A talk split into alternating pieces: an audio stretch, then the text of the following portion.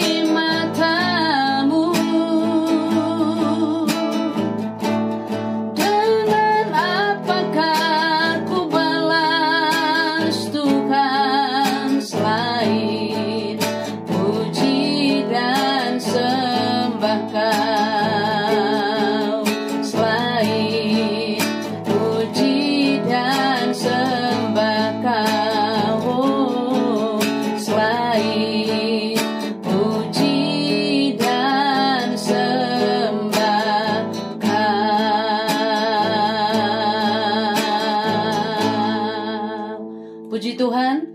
Shalom pendengar Sobat Maestro di mana pun berada. Senang berjumpa kembali saudara dan saya akan membagikan kembali kebenaran firman Tuhan saudara. Tema yang saya bagikan adalah keintiman Bapak saudaraku semuanya.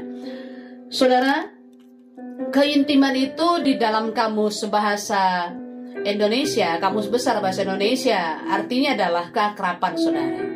Lalu arti yang kedua persahabatan, arti yang ketiga adalah kemesraan. Yang namanya akrab kita bisa sama siapa saja kita bisa akrab. Bersahabat sama siapa saja kita bersahabat. Tetapi kemesraan kita nggak bisa melakukan sesuatu kemesraan dengan sembarangan orang kan. Jika keintiman itu diartikan sebagai hubungan antara suami dan istri saudara. Makanya Kamus Besar Bahasa Indonesia ini memberikan arti keintiman sekali lagi saudaraku adalah keakraban, persahabatan dan kemesraan. Namun saudara, untuk kita memiliki keintiman dengan Tuhan kan ini membutuhkan keseriusan setiap hari. Bukan hari ini kita berdoa, hari ini kita ketemu Tuhan, besok enggak. Enggak begitu. Tetapi membutuhkan keseriusan setiap hari. Lalu saudaraku kita juga harus siap dikoreksi oleh firman Tuhan setiap hari saudara. Tanpa keseriusan tidak mungkin bisa memiliki hubungan intim dengan Tuhan dan dengan sesama. Kita nggak mungkin memiliki hubungan yang baik dengan sahabat kita, hubungan yang baik dengan orang yang akrab dengan kita. Dibutuhkan sebuah keseriusan Bapak Saudaraku semuanya. Kembali saudara, saya akan ambil ke- kebenaran firman Tuhan dari Mazmur 51 ayat 11 sampai 21. Minggu lalu saya bagikan ayat 1 sampai dengan ayat 10 saudara. Saya akan bercerita saudara inti daripada Mazmur 51 ayat 11 sampai 21 saudara semuanya adalah Daud ini seorang raja yang sangat menyadari adanya kelemahannya saudara. Daud adalah seorang pribadi yang jujur di hadapan Tuhan, apa adanya. Ketika Tuhan tegur melalui Nathan, ia tidak berkelit saudara. Enggak berkelit, enggak bilang, enggak bela diri juga enggak. Ketika Nathan menegur atau mengingatkan pelanggaran atau dosa Daud saudara, ini Nathan ini tidak tidak dalam keadaan marah. Atau maksud gini, Nathan tidak sedang dalam keadaan marah atau enggak suka kepada Daud. Artinya begini saudaraku semuanya, motivasinya tulus. Bagaimana dengan kita ketika kita menegur seseorang, ketika kita mengingatkan seorang, seseorang saudara. Bagaimana dengan kita? Apakah memang hati kita tulus atau motivasi kita tulus saudara? Atau kita tegur orang lain karena orang lain ngomong tentang seseorang itu? Jadi ketika kita menegur orang lain itu karena kata orang. Kalau Daud, maksud saya kalau Nathan saudaraku semuanya, dia mengingatkan dosa Daud itu, mengingatkan pelanggaran Daud itu Tuhan ngomong, Tuhan bicara kepada Nathan. Makanya motivasinya itu benar. Motivasinya itu sangat benar saudaraku semuanya. Bagaimana dengan saya dan pendengar Sobat Maestro hari-hari ini? Ketika kita melihat orang lain berdosa, apakah kita menegurnya karena kasih? Atau kita menegurnya karena kita memang tidak suka pada awalnya, lalu dibumbung-bumbui dengan perkataan orang lain, saudara? Hanya kita yang tahu, Bapak Saudaraku semuanya.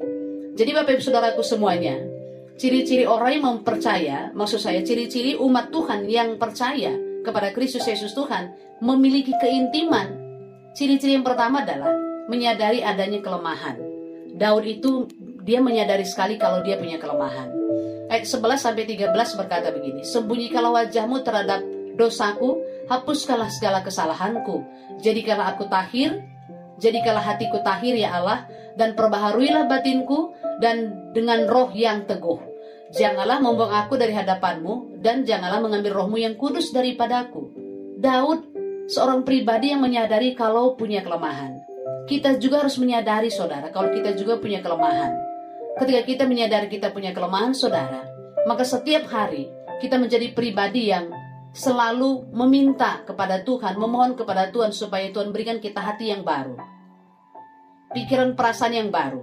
Supaya apa saudara? Supaya ketika kita melihat orang lain atau mendengar apa pun kelemahan orang lain yang diceritakan orang kepada kita ya tentunya ya.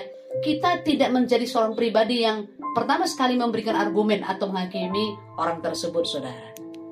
Enggak menghakimi saudara. Lalu poin yang kedua adalah menjadi saksi Kristus berdasarkan Mazmur 51 ayat 11 sampai dengan 21 Saudara. Yang kedua adalah sekali lagi menjadi saksi Kristus. Ayat 14 dan ayat 16 berkata begini. 14 sampai 16 berkata begini. Bangkitkanlah kembali padaku kegirangan karena selamat yang daripadamu dan lengkapilah aku dengan roh yang rela. Maka aku akan mengajarkan jalanmu kepada orang-orang yang melakukan pelanggaran supaya orang-orang berdosa berbalik kepadamu. Lepaskanlah aku dari hutang darah, ya Allah. Allah keselamatanku, maka lidahku akan bersorak-sorai memberitakan keadilanmu.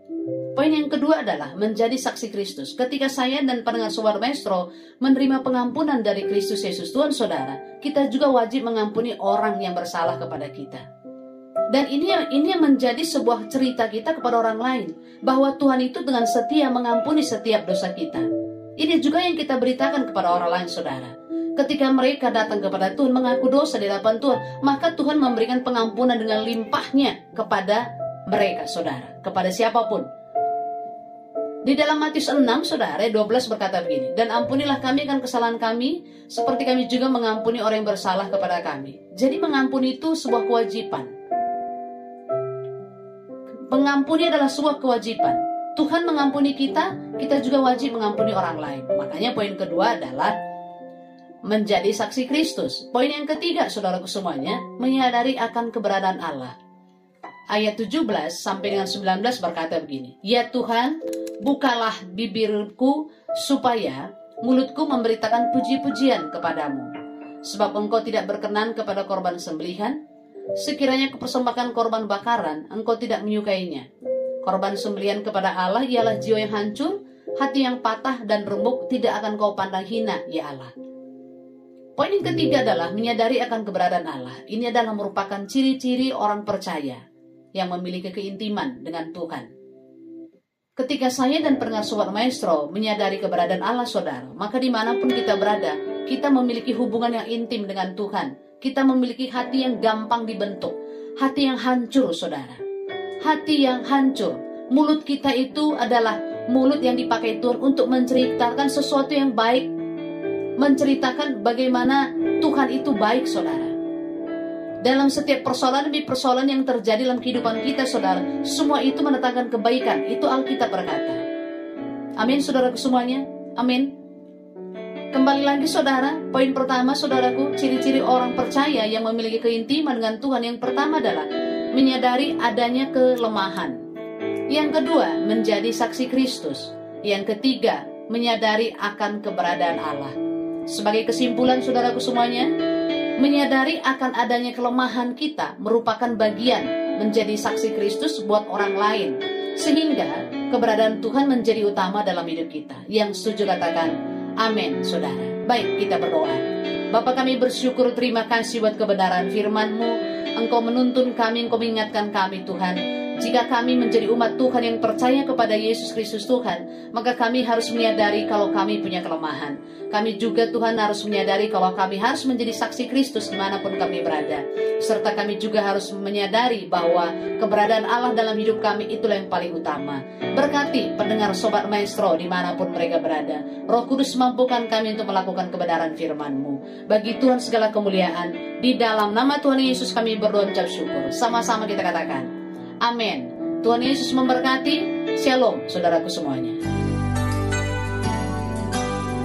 Sobat Maestro, Anda baru saja mendengarkan renungan firman Tuhan bersama Ibu Evangelis Sayang Tarigan MTH. Terima kasih atas perhatian dan kebersamaan Anda. Tuhan Yesus memberkati.